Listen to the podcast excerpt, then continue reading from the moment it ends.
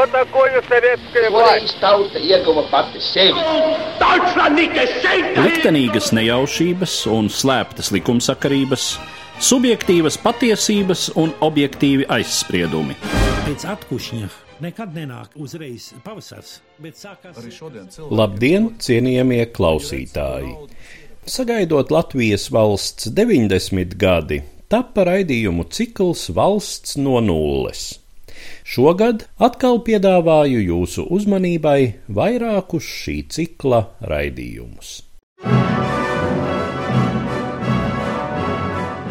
Jauni spēki tobrīd grāva veco pasauli. Un tas, kas vēl nesen šķita sapnis, tagad kļuva par konkrētu mērķi. Mums jāceļ Latvijas valsts!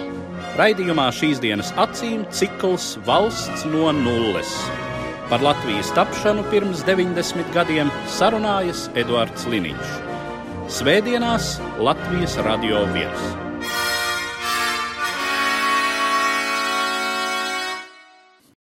Labdien, cienījamie klausītāji! Šogad mēs varam atzīmēt jubileju kādai iestādēji, kas ir joprojām Latvijas informācijas telpai būtiska un piederīga. Proti, es runāju par Latvijas telegrāfa aģentūru Leta.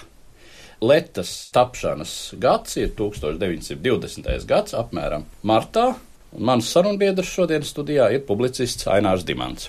Labdien! Labdien! Pirms Latvijas pastāvēja jau 19. gadā tāda organizācija kā Latvijas.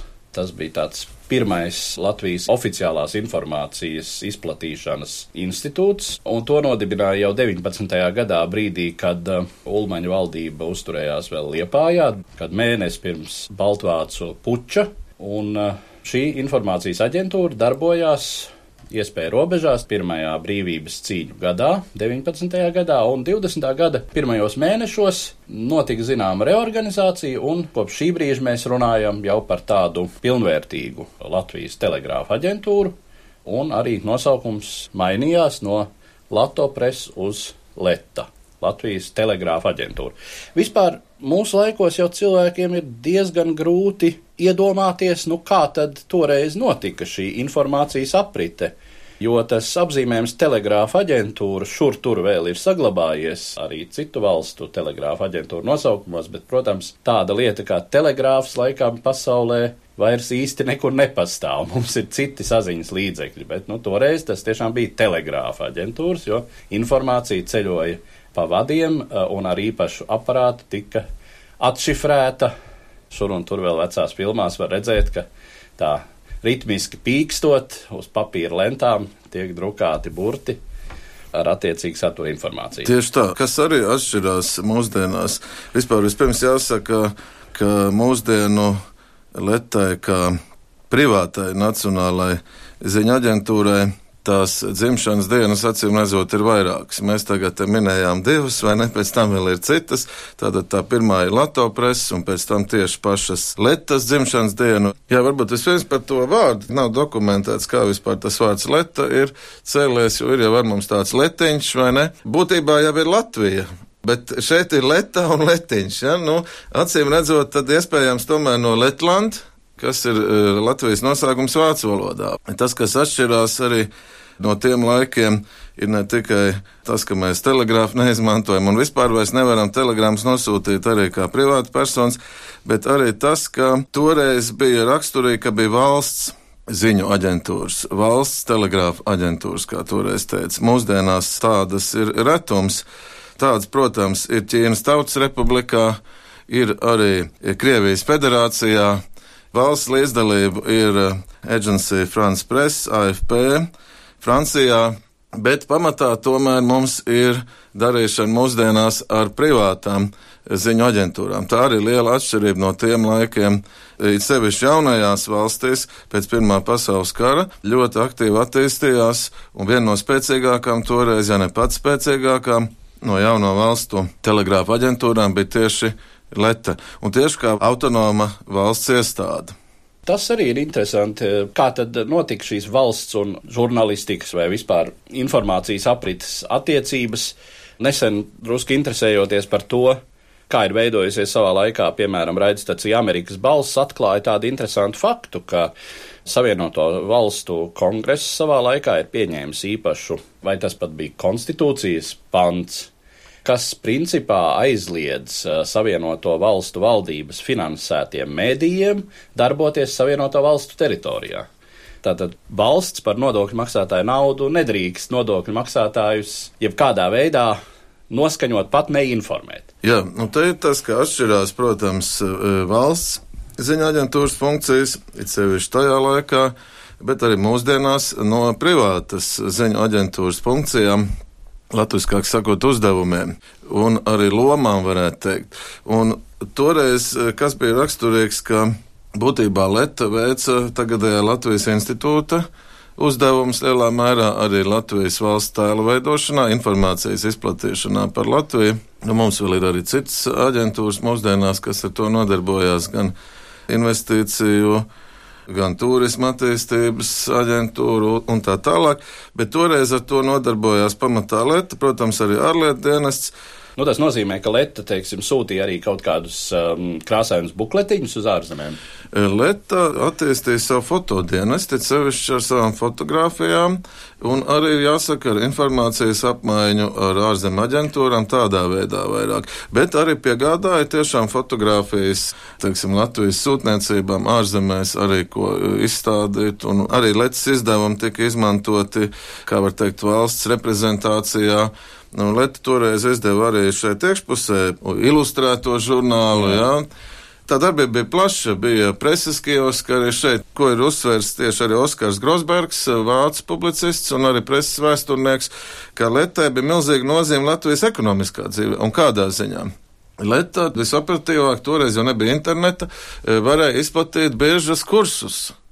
Un, attiecīgi, tie nāca, atcerēsimies, ar lielās depresijas laiku. Tas jau bija ļoti interesants laiks ekonomikā, līdzīgi kā pēdējos gados. Un Oskars Grosbergs ir īpaši uzsvers, ka tas ir liels nopelns arī Latvijas ekonomikā. Protams, vēl bija arī tāda lieta, ka šīm valsts aģentūrām vairāk nekā privātām vienmēr ir bijusi tomēr saikne ar attiecīgo valstu izlūkdienestiem. Jo informācijas iegūs metodas žurnālistikā un izlūkdienestā daudz neatšķirās. Jautājums ir tikai, kas ir lasītāji. Lasītāji lokus, ja teiksim, izlūkdienas ziņojumiem ir daudz šaurāks. Selektētāks. Jā, tā nav masu komunikācija. Ja? Turklāt nav arī noslēpums, ka Ne jau tikai diplomāta amats nereti tiek izmantots kā piesaks, bet arī šo valsts ziņu aģentūru korespondentu amati ir izmantot kā piesaks izlūkdienestu, pat, teiksim, virsnieku darbībai citās zemēs. Ir zināms fakts, ka 25. gadā, ja nemaldos, Letas korespondentu Maskavā arestē, un viņš pavada pusgadu padomju cietumā. Tas ir gan tiek atbrīvots. Peņģerots, tāds interesants uzvārds, un faktiski viņa uzskata tajā laikā par vienu no retajiem rietumu masu mediju ziņavotiem tā laika padomju savienībā, jo tur jau arī rietumu žurnālistiem nebija tik brīvas iespējas darboties. Tā kā viņa ziņas toreiz tika izplatīts arī plašāk. Man ir gadījies savā pētnieku darbībā tuvāk iepazīties ar Letu, un arī ir publikācijas par to, bet ar lielu prieku es esmu runājis arī ar Ernestu Tregotu Tāli, kuram ir ļoti sīkas atmiņas par savām Letas korespondentu gaitām Berlīnē. Tolaik pirms un pēc otrā pasaules kara sākuma arī ar Leonīdu Siliņu, kurš arī Letā strādāja. Tādus divus simboliskus gadījumus tikai gribu pieminēt saistībā ar Trēgutu, tas ir arī viņa grāmatā, to viņš arī uzsvēra sarunā, ka viņš speciāli ziņojas pa telefonu uz Rīgu par eh, Hitlera Staļina jeb Molotovu-Ribbentropa paktu, zinot, ka šis sarunas noklausās, respektīvi, lai vācieši zina, ka Latvijas ziņu aģentūrai Leta un tātad arī Latvijas valdībai ir attiecīgā informācija.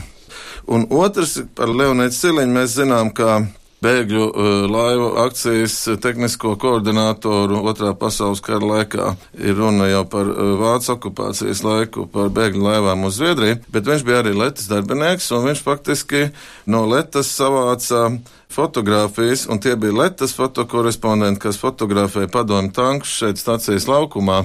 Tās ir tās klasiskās bildes, ko mēs zinām no vēstures grāmatām. Tas ir Latvijas fotokorespondentu darbs.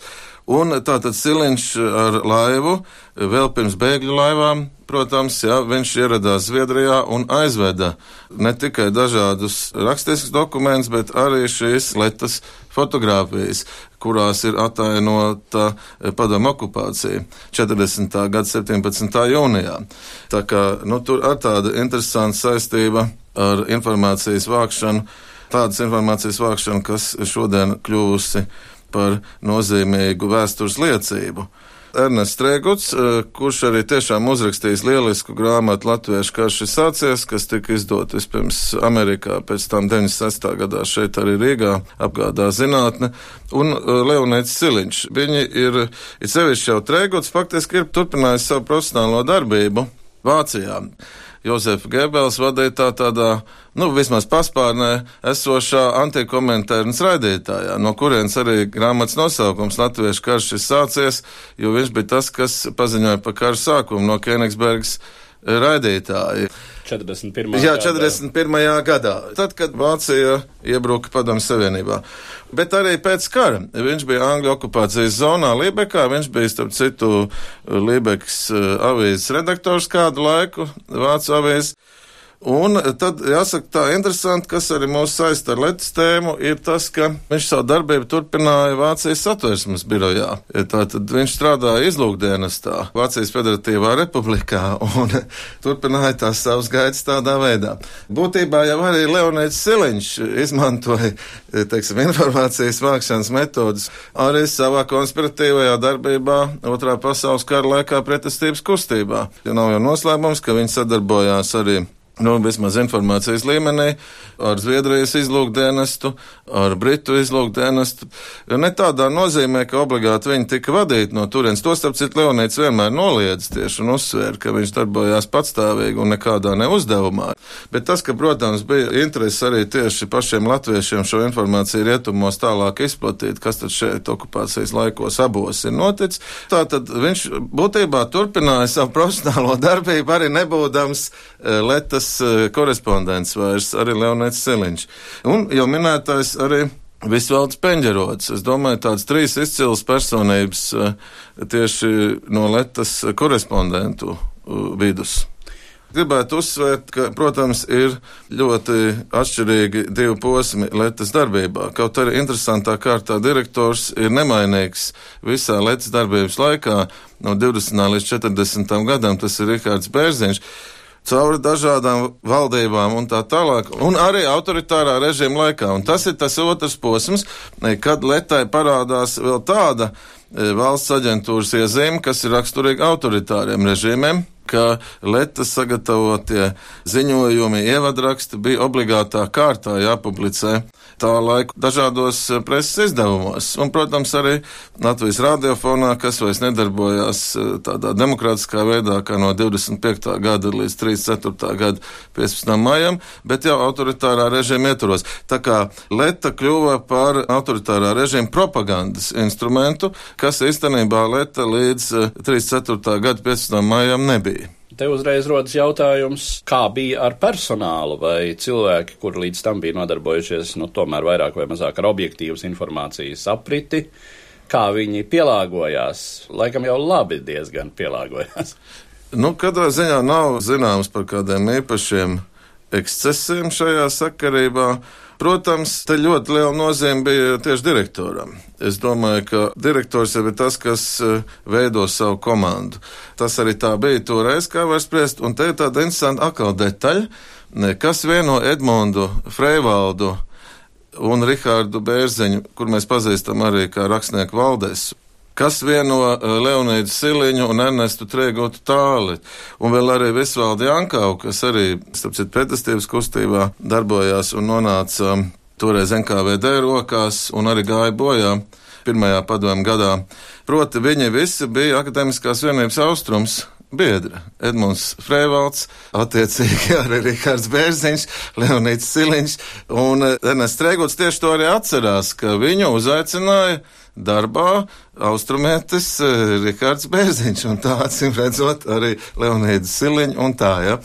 Tās spējas, kas bija acīm redzot Bērziņam, strādājot gan demokrātiskā režīmā, gan autoritārā režīmā, tās bija svarīgas arī viņa komandas veidošanā, komplektēšanā. Tieši tas, ka Bērziņš tur tik ilgu laiku strādāja, tas liecina, ka viņš, kaut arī viņam tika pārmests, arī ka viņš tur tāds un šitāds zināmā politiskā krāsā, viņš tātad acīm redzot spēja palikt pietiekami objektīvs, ja jau viņš bija derīgs dažādām valdībām.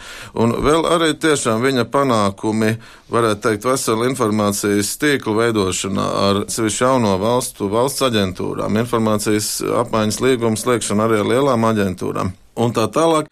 Tie bija pietiekami pārliecinoši, un arī acīm redzot, tā informācija, ko sniedz, tas darbs bija pietiekami kvalitatīvs, un neradās arī jaunajam ulmaņa režīmam nekāds iemesls, vēl jau vairāk, varbūt te bija pat pārāk liela arī tāda kalpošana no bērziņa puses, kas viņam arī ir pārmests, nu, tieši par to propagandistisko darbību iekšzemē, kur tomēr Lietai bija arī sava negatīvā loma. Bet gribētu uzsvērt arī tādu pozitīvo. Bērziņš bija arī, varētu teikt, savu veidu politikas analītiķis, līdz sevišķi ārpolitikas analītiķis. Viņš katrā ziņā savus uzskats nekad neslēpa arī vadonim, kā toreiz teica, un bija samērā kritisks un ar atšķirīgu viedokli arī dažkārt no citiem, teiksim, arī ministriem, kas ir iegājis Latvijas vēsturē. Tas ir 40. gadā faktiski Leta ir vienīgā valsts iestāde, no kuras ir nācis ārā oficiāls dokuments, kurā ir nosodīta padomju okupācija, un kādā ziņā pateicis, ka tā informācija, kas ir padomju Savienības notā Lietuvai, kas bija dienu iepriekš nekā nota Latvijai, ka tie pārmetumi ir nepatiesi. Nu, kā jau tas bija raksturīgs tajā laikā, tad šīs valsts aģentūras jau nāca klajā ar oficiāliem paziņojumiem. Un tātad šeit, acīm redzot, Bēziņš izmantoja arī savas iespējas darboties, un Leta nāca klajā ar šādu oficiālu paziņojumu. Ne no viena Latvijas ministra vai no paša vadoņa, nekas tāds, kā labi zināms, nekad netika izskanējis. Ja mēs tagad runājam par kādiem protestiem no Latvijas puses, rakstiskiem, tad faktiski šis ir vienīgais Letas oficiālais paziņojums, un arī ne tieši par notu Latvijai, bet par notu Lietuvai, bet tādā sakarā, kā mēs atceramies, ka tur ir pārmesta militārā sadarbība starp Baltijas valstīm un lietas, kas attiecās arī uz Latviju. Un tādā sakarā nāca klajā Leta ar šo oficiālo paziņojumu. Varbūt vēl mazliet paskatoties atpakaļ 20. un 30. gados, kāda bija sadarbība ar citiem mēdījiem, pirmkārt šeit Latvijā. Latvijas prese bija toreiz strukturēta diezgan atšķirīgi no mūsdienās ierastā, proti liels svars bija partiju orgāniem, sociāldemokrātam un brīvajai zemē, tātad attiecīgi zemnieku savienības izdevumam. Nu, un tad bija Benjamiņu impērija ar jaunākajām ziņām.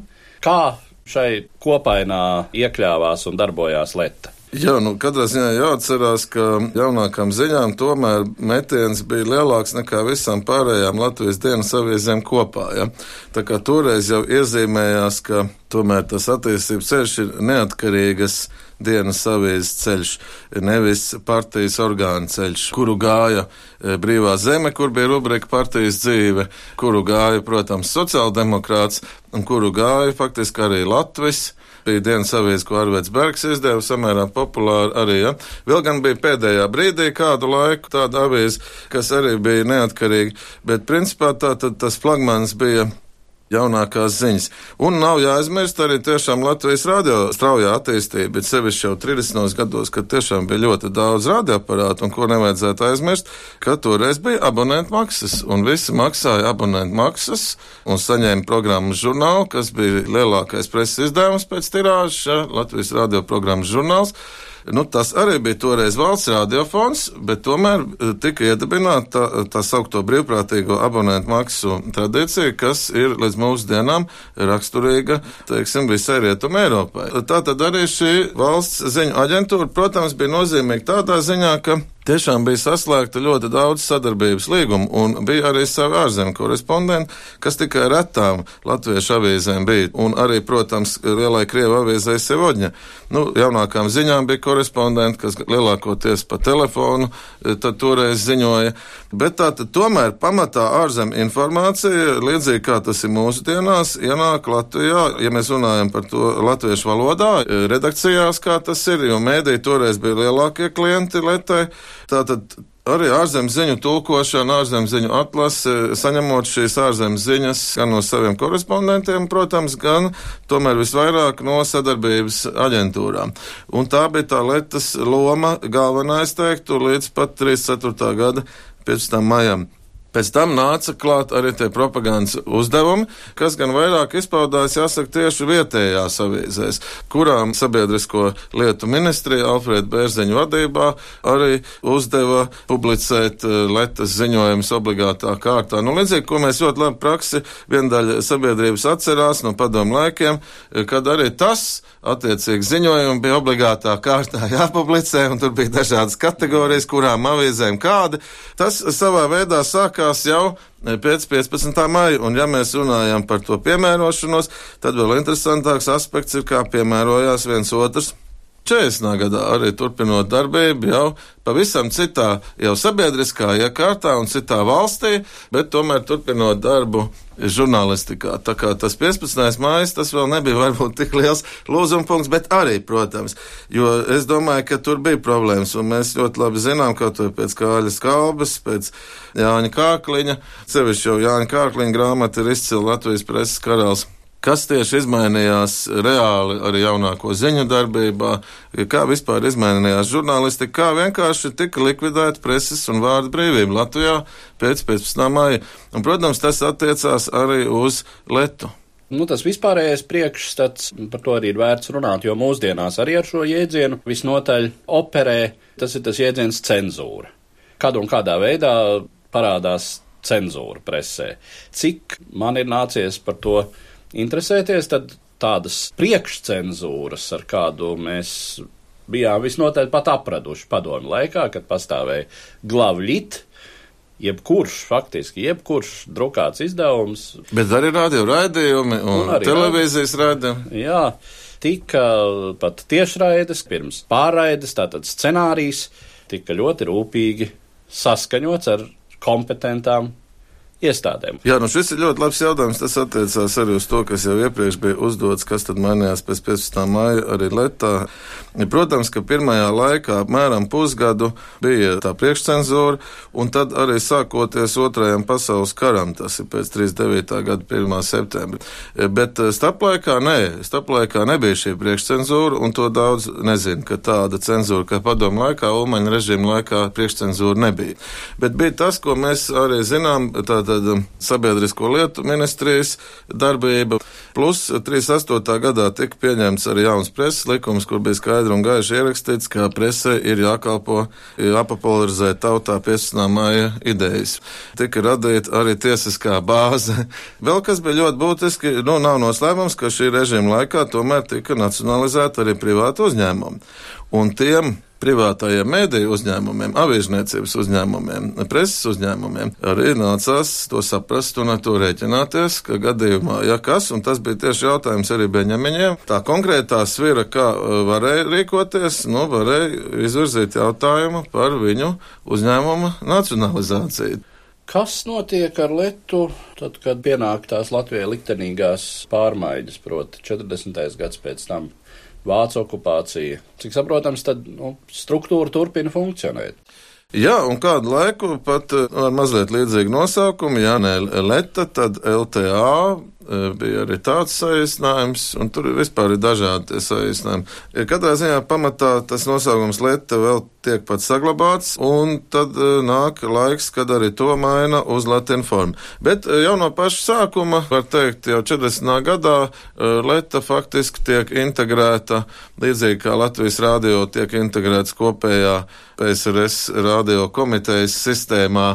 Tāpat arī Leta tiek integrēta Padomu Savienības telegrāfa aģentūras TAS, Telegrāfnē agentūra Sovietskava sajūza sistēmā. Un tur arī paliek kādu laiku, līdz kamēr atnāk vācu karaspēks, tad atkal ir pārmaiņas gan Lietuvā, gan Latvijas radiofonā. Ja? Netiek lietots tas Latvijas vārds, bet vairāk Rīgas vārds. Un drīz vien atkal pēc dažiem gadiem, pēc Vācijas okupācijas laika, atkal atgriežas Lietā tas sistēmā. Un līdz pat 90. gadam arī paliek šajā sistēmā, kas īstenībā turpina arī, kā jau teikts, darboties. Joprojām ir aģentūra ITAR tas, kuras, starp citu, pārstāvniecību Rīgā vadīja Nils Ušakovs, pirms kļūt par TV5 ziņu dienestu vadītāju. Ja mēs paskatāmies uz šodienas lietu, cik tur ir kopīga, cik tur ir atšķirīga? Protams, atšķirās tā darbība mūsdienās. Tā būtiskākā atšķirība varbūt ir, nu, mūsdienās Latvijas klienti jau vairāk pati nevis mēdīja. Bet dažādas citas organizācijas, kurām vajag informāciju, nevajag tikai ziņas kā tādas, bet jau arī tādus uh, ziņu apkopojumus apskatus uh, un analīzi. Protams, uh, tagad jau ļoti izmainījusies arī tā mediju vide, kas attiecās uz mēdījiem kā informācijas nesējiem, kā tehniskiem mēdījiem. Tagad jau Lieta darbojas pamatā interneta vidē. Protams, Lietai šodien tas, kas nebija toreiz, ir arī darbība, var teikt, televīzijas jomā ar video, foto, tas jau bija, bet līdztekus darbībai internetu vidē ir arī televīzijas virzienā. Tātad arī Lietas video, ko mēs zinām gan no televīzijas, gan arī no internetu. Nu, protams, tas galvenais, ka tā vairs nav valsts eh, ziņu aģentūra, bet ka tā ir privāta ziņu aģentūra, bet kas tomēr arī interesanti un priecē, ka atšķirībā no abām divām pārējām Baltijas valstīm, mums tomēr ir šī Nacionālā ziņa aģentūra kļuvusi par dominējošo. Eh, tirgu, jo tomēr gan Igaunijā, gan Lietuvā ir BNS, kas ir būtībā Somu ziņu aģentūra sākotnēji Igauņu un pēc tam jau piedar Somiem. Un īstenībā tas Letas stāsts ir veiksmes stāsts, kā faktiski vidē, kur jau BNS bija ļoti nostabilizējusies un bija vadošā, tomēr Letai izdevies nostiprināties un attīstīties un ieņemt pirmo vietu. Ja mēs tā mazliet caur mistērijas prizmai paskatāmies uz to, varbūt tur ir arī tā enerģētika kas nāk no Latvijas pirmā laika, no tiešām tiem enerģētiskiem cilvēkiem, kāds acīm redzot bija gan Freivalds, gan Bērziņš, gan Trēgots, gan Siliņš, gan Peņģerots.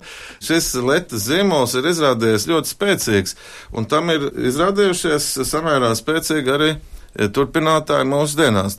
Cik vispār perspektīva ir šādu aģentūru darbība? Mēs zinām, ka patiešām informācija šobrīd pasaulē aprit veidos, kādus vēl pirms pārdesmit gadiem īsti neviens nevarēja iedomāties. Nu, piemēram, kurš varēja iedomāties, eh, ka karavīri frontē ar saviem mobilajiem telefoniem fotografēs attēlus un sūtīs tos vienalga kur, jā, kā tas, piemēram, notika Gruzijas kara laikā. Nu, te ir tā lieta, kas ir vispār tāda ģenerāla. Es teiktu, ka par spīti tam, ka mēs katrs varam e, būt autors šajā laikmetā, vēl viens tāds piemērs ir tad, kad tā lidmašīna iegāzās Ņujorkā, kur bija tas latviečs, kas pirmais nofotografēja. Un tas aizgāja. Bet kas ir būtiski, mums jau katram var būt bloks tur tajā tīmeklī, bet ja neviens to blogu nelasa, tad nu, mēs varam būt autori, bet kur ir mūsu publika? Un tas ir tas, ka tomēr joprojām tiem attīstītajiem tradicionālajiem mēdījiem.